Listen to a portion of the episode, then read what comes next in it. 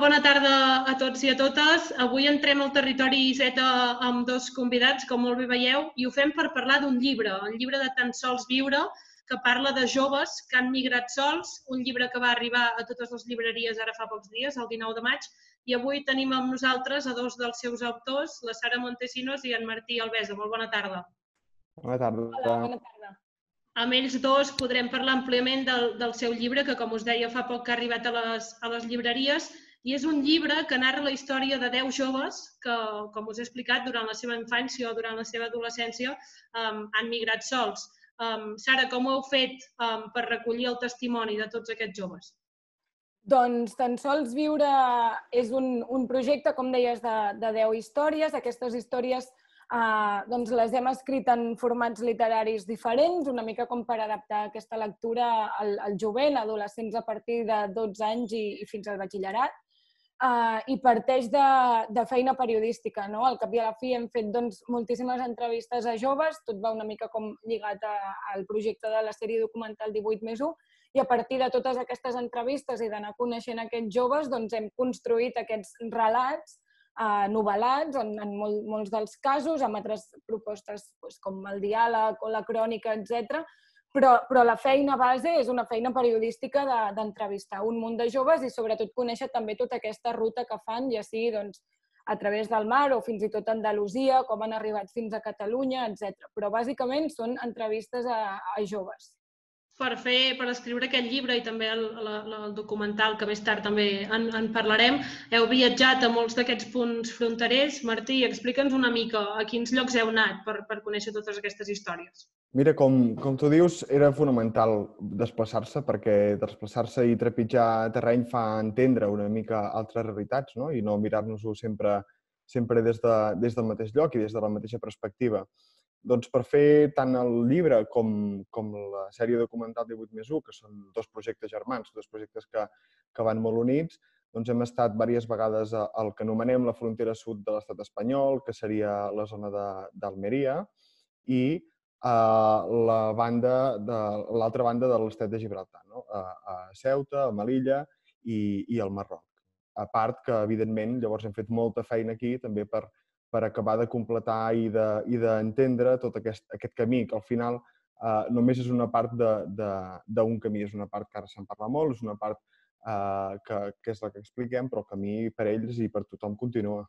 I un cop arribàveu al terreny, un cop arribàveu en, en totes aquestes fronteres, com ho fèieu per, és a dir, per obrir-vos pas, per conèixer els joves i a partir d'aquí per poder parlar amb ells i, i perquè ens expliquessin les seves històries, Sara? Doncs jo crec que en aquest sentit eh, és molt important per mi personalment, i crec que Martí ho comparteix, que és una mica el teixit associatiu d'allà on, on, on hem pogut anar. No? Realment, eh, la feina periodística, segons en quins espais, és difícil, no tant per, no per un tema de seguretat, sinó per un tema de confiança, no? per poder parlar amb uns nois que estan en un ambient d'hostilitat, com per exemple a Melilla, doncs, supercomplexa, eh, no és fàcil arribar un dia i posar-te a xerrar amb ells, perquè no ho és, perquè són nanos o que viuen al carrer o que estan sent eh, víctimes de moltíssims abusos de, de drets humans, bàsicament. Per tant, realment això no és gens fàcil.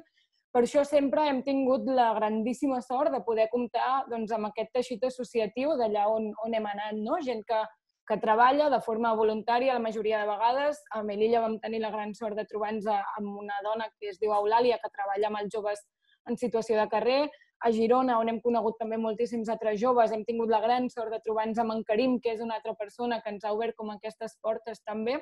I a diversos llocs hem anat trobant tota aquesta gent que participava d'aquest suport, d'aquest acompanyament a joves i que al cap i a la fi eh, jo crec que ha sigut la gent que ens ha realment com obert les portes de la confiança i de, i de l'accés a que aquests joves tinguessin ganes de, de compartir les seves històries. No? O sigui que realment, bueno, jo crec que sense aquestes persones no, no ho haguéssim pogut fer, no? perquè és feina de... O, o, o haguéssim trigat moltíssims més mesos, no? És feina molt de temps, de confiança i de que realment una persona pugui confiar en tu amb què puguis tractar la seva història amb respecte i amb molt de carinyo i, per tant, sense aquestes persones que ens han fet com la passa prèvia no, no hagués estat possible. I un cop accedíeu ja als joves que, que, han, que han migrat o que havien de migrar, quina era la seva rebuda? És a dir, tenien ganes, Martí, d'explicar-vos les seves històries i la seva situació?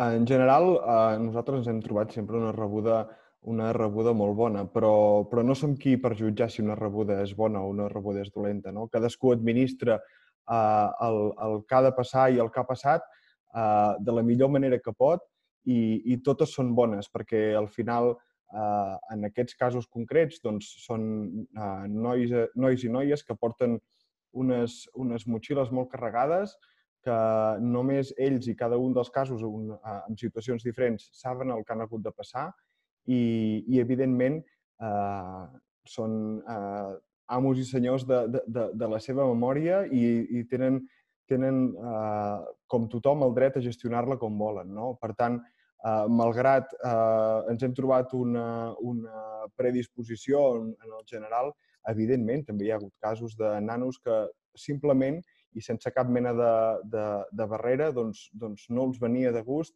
eh, doncs parlar de tot el que havien passat.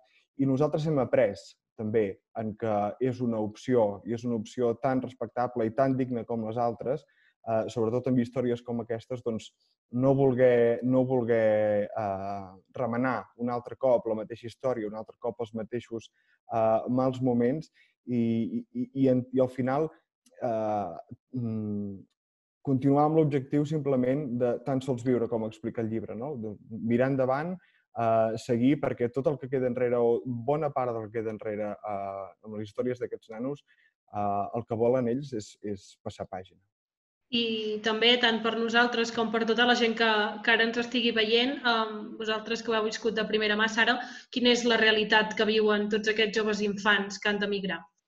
És una realitat molt dura, molt, i, i hi ha un punt de, de, bueno, de que ens pensem que la vida és com la coneixem nosaltres i no, i per tant, realment, eh, per molt que moltíssimes persones puguem fer o vulguem fer un exercici d'empatia, no tenim ni idea, ni idea del que suposa dir me'n vaig de casa, no? Me'n vaig de casa, creu tres o quatre fronteres o més en, els, en alguns casos i em busco la vida sent menor d'edat i, i anant sol, no? I realment la situació és, és molt dura. Sí que és veritat que hi ha joves doncs, que han tingut um, sort amb el centre que els hi ha tocat, ha tingut sort perquè just quan feien els 18 s'obria un altre recurs, un pis o, o algun espai, uh, un sostre no? per, per poder-hi anar després d'aquesta de, tutela per part de la Generalitat, però la realitat és que la majoria no és així. No és així, s'han acabat els recursos i quan es fan 18 anys doncs et diuen moltes gràcies, adeu, i et pots quedar aquí a la porta i te'n vas al carrer, no? Llavors, realment amb, amb, totes una, o sigui, amb una esperança tan i tan gran, amb un projecte migratori on se suposa que, que, que han d'acabar doncs, eh, aprenent un ofici o formant-se o podent treballar i tenir una vida digna, segurament en molts casos per ajudar la família, doncs que això quedi completament frustrat és, és, és realment molt trist i molt dur per ells. No? Llavors, això per una banda, a nivell com d'aspiracions o, de, o, de, o del que venien a fer aquí, no? i per l'altra banda hi ha tota la misèria a la que s'està condemnant aquests joves que es queden en situació de carrer, que, que, que és una salvatjada el que s'està fent des de, doncs, des de l'Estat o fins i tot des de la gent, no? perquè al cap i a la fi les polítiques sí que, vull dir, sí que hi ha competències a la Generalitat per poder tractar aquest tema uh, de forma diferent i tampoc s'està fent. Vull dir que realment aquí tothom té, té responsabilitat. No? I aquesta situació de carrer amb la que s'estan veient molts dels joves és molt violenta, perquè estem parlant de que bueno, ningú de nosaltres el dia que va fer 18 anys va aconseguir una feina, un lloguer, un no sé què, un tal. Vull dir que realment la, el, el pas de tenir 17 a, en 24 hores tenir 18 no canvia per res la teva vida realment, no? I en canvi et trobes sol al carrer i busca't la vida. Ningú de nosaltres ens imaginem què vol dir amb 18 anys quedar-se al carrer. Per tant, realment la situació és molt crítica i està generant uh, moltíssimes conseqüències socials a barris i carrers que, bueno, que són fruit d'una molt dolenta gestió. Una, una de les frases que, que he escoltat al videobook del, del llibre Tan sols viure era de joves, històries de joves que busquen una vida millor. Vosaltres creieu, Martí, que quan els joves arriben aquí o, o al país on, on migren es troben realment una vida millor? Malgrat eh, totes les dificultats que ha explicat la Sara, eh, aquests joves, com els joves d'aquí, eh, tenen mòbil, tenen xarxes socials eh, i tenen companys i companyes que estan eh, pendents d'ells, de, de les seves notícies i de, i de, què, de quin tipus de vida estan portant aquí. No? Eh, per tant, eh, en, el, en els companys, a vegades hem trobat molt que les famílies no els expliquen de, del tot, però en els companys sí que els expliquen, evidentment que els expliquen. Malgrat tot, aquests joves eh, continuen i continuaran venint. No? Eh, recordo una de les entrevistes que vam fer amb una noia per, per el documental 18 més 1, que respon bastant bé aquesta pregunta, que deia, imagineu-vos com, com han d'estar aquests joves en els seus països d'origen perquè prefereixin dormir al carrer aquí que quedar-se allà. No? Per tant, eh, m'agradaria poder dir amb, amb majúscules que la vida aquí és millor, eh, la vida aquí és molt dura per ells, la vida aquí és molt injusta per ells, es topen amb totes les fronteres que no es veuen i que uh, uh, el món occidental, el món blanc, els estem, els estem posant contínuament, uh, però en el seu país d'origen les dificultats també són molt i molt uh, elevades i molt, i molt fàcil de veure. No? Uh, per tant, si continuen vinguent, malgrat el diàleg que es poden tenir, malgrat el poder-se explicar d'un cantó a l'altre, eh, és perquè algun tipus de possibilitat o d'horitzó hi ha aquí que no hi ha allà. I un altre del, dels clams d'aquest llibre era el clam al dret a migrar. Um, Sara, creieu que aquest dret um, és respectat a dia d'avui? No, no, no, no és un dret respectat, és un dret que a més a més es recull a la Carta de Drets Humans i que és una mentida com una, com una casa de pagès. Um, ho vam veure el 2016 amb, amb, amb la suposada o mal anomenada crisi dels refugiats, que no, que no va ser això, evidentment, uh, però no, i no, no s'està respectant amb aquests joves ni amb qualsevol de les persones que des de fa més de 30 anys estan intentant arribar a Europa per, per diferents rutes. No? Realment és, és, és, bueno, és, és tot el concepte aquest de l'Europa fortalesa, no? que realment s'està com construint, potser no amb murs físics, que també, perquè ara mateix hi ha més de 1.000 quilòmetres de, de mur construïts arreu de, de l'espai Schengen i la Unió Europea. Per tant, no és un dret respectant. I no només no és un dret que s'estigui respectant, sinó que és, és un dret, les polítiques que, que, que, que estan gestionant aquest dret o defensant aquest no dret a, a migrar estan matant persones. O sigui, que hi hagi més de 30.000 cossos al mar Mediterrani és un escàndol. I més quan és una cosa que que, com dèiem, està recollida no? en, en, en la Carta dels Drets Humans. Llavors, que estiguem, a més a més, doncs, des d'aquí dalt, explotant certs països, condemnant certs, certs països a la misèria i que tot dia així, quan se'n cansen o volen o, o senzillament eh, exerceixen un, un procés migratori perquè és el seu dret, llavors tanquem barreres, tanquem portes i els deixem morir al mar, no? Llavors, bueno, mm, hi ha molts escàndols de, en, en aquest món capitalista del segle XXI, però realment el tema de les migracions arreu, nord-sud, és, és, una del, bueno, és un dels llocs on més persones s'estan matant. Ho explicàvem abans, el llibre recull 10 històries de joves que, que han migrat. Um, Martí, després tu, tu, Sara, hi ha alguna història d'aquestes 10 que us hagi marcat especialment? bueno, jo, mm, per, per la part que em toca i per una proximitat perquè, perquè sóc d'Olot i, i és un, un noi que, que en aquest moment del seu camí doncs, està a Olot i ha trobat a, a, a, a Olot doncs, un entorn eh, que de moment el fa estar, el fa estar feliç. Eh, la primera de les històries, eh, que es diu Hòstia Santa, que és una conversa de bar eh, amb aquest noi, un noi de, de Guinea Conakry, totes són especials, totes tenen, totes tenen el seu, el seu, el seu què i, evidentment, per nosaltres dos, totes tenen, totes tenen històries amagades i moments que, que difícilment es poden explicar en paraules i, i, i, i traduir en unes pàgines, però aquesta, eh, simplement per, per la proximitat i per la història conjunta que, que hem pogut viure amb, amb, amb aquest noi, doncs la primera de les històries per mi és, és, és especial. Jo, per una banda, tiraria una mica pel mateix. També una de les històries és un noi que viu al meu poble i que doncs, ara mateix forma part de la meva colla i, i que em fa molt feliç que hi sigui i que hem viscut un, un acompanyament superbonic no? I, i ha crescut moltíssim. Va arribar sent un adolescent i ara és un, un, un, un premianenc més. No? Llavors, això, bueno, com diu en Martí, les que et toquen de prop o les que has pogut viure durant més temps, uh, fan, fan molta il·lusió i curen una mica, no? Veient com que entre tanta misèria hi ha coses, històries que van bé i que surten bé també, també és bonic.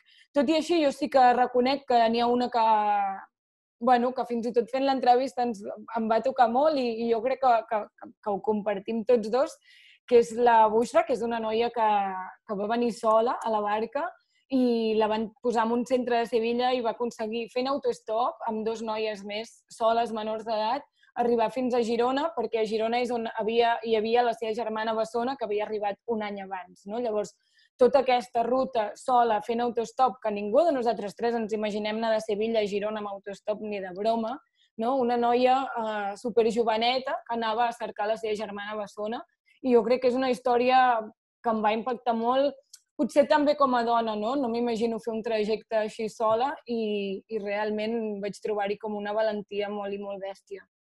Un, un dels objectius d'aquest llibre també és que arribi a les escoles, que arribi als instituts. Um, per què creieu, Martí, que és tan important que els joves d'aquí Catalunya coneguin aquesta realitat? Perquè els que ens comencem a escapar d'allò que se'n diu jove o totalment jove i els nostres, uh, les nostres generacions anteriors uh, ho hem fet malament. Alguna cosa hem fet malament perquè perquè aquesta situació es continua produint, mm, es continuen, continuen aixecant murs, com deia la Sara, es continua reforçant eh, eh, les tanques, per exemple, de, de Ceuta i de Melilla, eh, continua havent-hi eh, molt i molt de racisme als carrers, inclús eh, hi ha una part del racisme que ens han fet creure que és una opció eh, vàlida per votar, eh, per tant, ens hem equivocat uh, i, i, i ho estan pagant els mateixos de sempre aquestes conseqüències. Uh, que sigui orientat als joves és per diverses raons, però jo crec que una de molt important perquè és que en els joves hi ha l'esperança de poder canviar alguna cosa. No?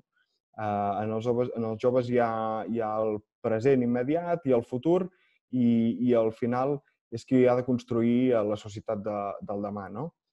I alhora, eh, Eh, també ens hem trobat, i, i tots, tots els que hem estat joves hem estat més joves del que som ara, eh, que, que amb qui ens agrada compartir espais són amb els de la nostra generació. O sigui, tinc un any més o tinc un any menys, però ens agrada eh, compartir espais perquè cada generació té els seus motius, perquè cada generació té les seves maneres de fer eh, i, i, i per, per un nano jove, un, un nano menys jove, doncs està passat de moda. No? Per tant, el que volem és, és el que ens agradaria que passés, perquè creiem que és una de les, una de les maneres de, de començar a donar la volta a, a la situació actual, és que eh, es puguin enxarxar aquests joves. Per tant, és essencial que els joves que hem crescut i que estan cresquent a les nostres comarques i amb els tipus de vida que hem portat nosaltres han de conèixer aquests altres joves que han hagut de passar aquests camins. No? uh, perquè al final uh, seran qui hauran de, de, de, de construir aquest demà plegats. I no hi ha altra alternativa que construir-lo plegats. Tot allò que separa s'acabarà sent un fracàs.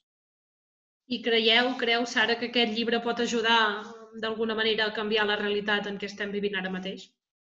M'agrada pensar que sí, si no, no ens haguéssim fotut aquest curro, però jo crec que sí. O sigui, una mica pel que deia Martí, no? també penso que uh, tots aquests joves uh, pels qui va dirigit el, el llibre i, i que molts doncs, hem tingut la sort de participar en tallers, escoles i instituts, uh, realment el que, els inputs que estan rebent en relació a aquest altre grup de joves que està migrant sol, que també és molt heterogeni, però bueno, s'està posant com en un mateix sac, uh, totes les informacions i, i els inputs que reben són molt criminalitzadors, amb un estigma supergran i realment va lligat a el que diuen els mitjans de comunicació de la delinqüència i de tot allò dolent. No?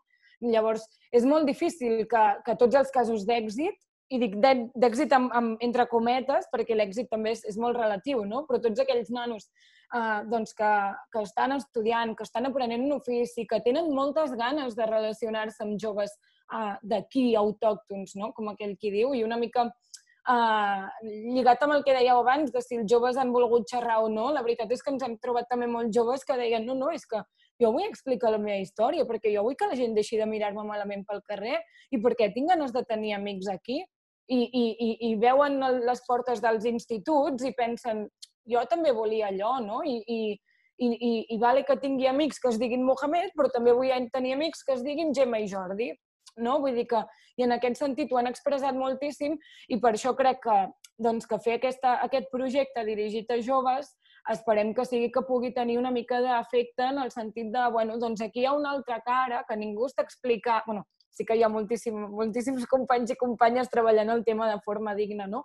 Però realment està costant molt que cali aquest, aquesta mm, altra manera de veure-ho i, i aquest poder donar la veu a aquests joves perquè s'expressin, no? I al cap i a la fi, eh, on sí que tenim esperança és en la trobada, no? En l'últim capítol de 18 més 1 van provocar una trobada entre, entre nanos de Girona de tota la vida i tres nanos que havien arribat eh, doncs, per aquestes vies i en aquestes situacions i realment les converses que es van donar eren superinteressants. No? Vull dir que realment amb un punt en comú que en tenen milers, eh? perquè al cap i a la fi tothom són adolescents i per tant és, és senzill en aquest sentit, no? però amb un punt en comú eh, poden, poden sortir moltíssimes coses i crear-se moltíssimes coses que no destruir-se. No? Llavors sí que creiem que tan sols viure és com aquest petit acostament eh, doncs perquè això pugui passar. No? I, i si, si tenim un objectiu, jo crec, Martí, que és que nanos que puguin llegir això es preocupin de si al seu voltant, doncs, per exemple, hi ha centres no? i que puguin interessar-se i dir, ostres, doncs vaig a dir hola aquí i vaig a presentar-me i vaig a generar vincle i vaig a crear un teixit social on hi pugui haver doncs, eh, tothom que es pugui sentir inclòs. No? Jo crec que és una mica aquest l'objectiu i alhora l'esperança. És que hi ha un tema fonamental i, eh, i per, per complementar el que diu la Sara, que és que aquest llibre eh, explica històries d'aquí, i que entendre que això és aquí és molt important. Estem molt acostumats a, que, a veure, a mirar la tele i que, i que tot, tot passi a l'allà, no? Al, al, als altres països. I no és que aquí no passi, és que aquí moltes vegades s'amaga, no? I, I hem de començar a entendre que, que aquí, a l'estat espanyol, a Catalunya, a, a Olot, a Girona, allà on sigui, doncs estan passant, estan passant aquestes realitats, no? I, i, com, i que també aquest llibre, si, si és capaç d'aconseguir uh, una mica uh, l'esperit crític en aquest sentit de, dels, dels lectors i les lectores que el puguin llegir, que puguin entendre que els impostos que estem pagant a l'Estat també estan posant concertines a les tanques de Ceuta i Melilla, uh, si aconseguim aquest esperit crític, per nosaltres estem l'èxit està assegurat. I abans també ho comentàvem, aquest llibre neix de la mà d'una sèrie documental que es diu 18 més 1, que també té 10 capítols, en el que també s'explica la realitat de, de joves que han migrat. Um, Sara, ve ser el mateix que, que el llibre, no? però amb un format audiovisual. Per tant, els joves tenen dues fonts, no? tenen el llibre, tenen els, els documentals. Explica'ns una mica en què consisteix aquesta sèrie documental 18 més 1. Doncs la sèrie documental 18 més 1 va néixer una miqueta abans que, que tan sols viure, uh, però sí que ens hem trobat que, ens, que han sigut dos projectes que han anat super de la mà i, i de fet hi ha testimonis fins i tot que, que es comparteixen i han sigut doncs, maneres diferents d'explicar-ho. De, no? Sí que amb 18 més 1 és molt més directe l'altaveu en el sentit que nosaltres sí que vam triar 10 temes, no? perquè en vez de ser per històries, doncs és per temes, hi ha el trajecte, hi ha el futur, hi ha el, um, el racisme, per exemple, les organitzacions populars, etc etc. Uh, però sí que és molt més directe de micròfon i expressa el que, el que et vingui de gust. No? I bueno, creiem que ha sigut un projecte molt xulo, uh, no només pel procés, que per nosaltres ha sigut molt i molt enriquidor i, i crec que hem crescut no només com a professionals, sinó també com a persones. Ha generat uns vincles també amb molts dels joves que, que crec que tots dos doncs, ens estimem molt aquests vincles i aquestes relacions que s'han generat i, i fins i tot veure'ls créixer, no? Perquè potser fa un any i mig els estàvem entrevistant i ara els veiem i és com, bueno, que potser ja han fet la vintena i, i, i s'estan fent molt grans, no? I ja tenen vides doncs, més, no sé, més, més modulades, no? I, mm, I sí, la veritat és que a més a més hem tingut molt bon feedback, creiem que, que ha sigut una eina superxula, que de seguida la vam, bueno, vam decidir que es distribuiria de forma gratuïta per YouTube i tal, perquè volíem que fos doncs, això una eina que servís per, doncs, per escoltar aquests joves i per poder parlar del tema una mica havent-los escoltat, no? que, que al cap i a la fi és el que dèiem abans, ens trobem titulars molt criminalitzadors i ningú s'havia plantejat mai anar a parlar amb aquests joves, aviam què n'opinaven de tot plegat, no? O, o, o com els fa sentir que els mirin malament pel carrer o que el tren ningú s'assegui al seu costat, no? Llavors, bueno, jo crec que amb 18 més 1 també vam aconseguir uh, una mica això i que ara per ara doncs, tenim dos formats diferents, a treballar també de formes uh, molt diferents, però que al cap i a la fi tenen un mateix objectiu. Doncs amb aquesta reflexió de la Sara acabem l'entrevista. Martí i Sara, moltíssimes gràcies per estar avui amb nosaltres al Territori Z. Moltíssima sort amb aquest llibre i tothom que el vulgui ja està disponible a les llibreries. Tan sols viure el podreu trobar a les llibreries. Sara, Martí, moltíssimes gràcies per estar avui amb nosaltres. Moltes gràcies a vosaltres. A vosaltres.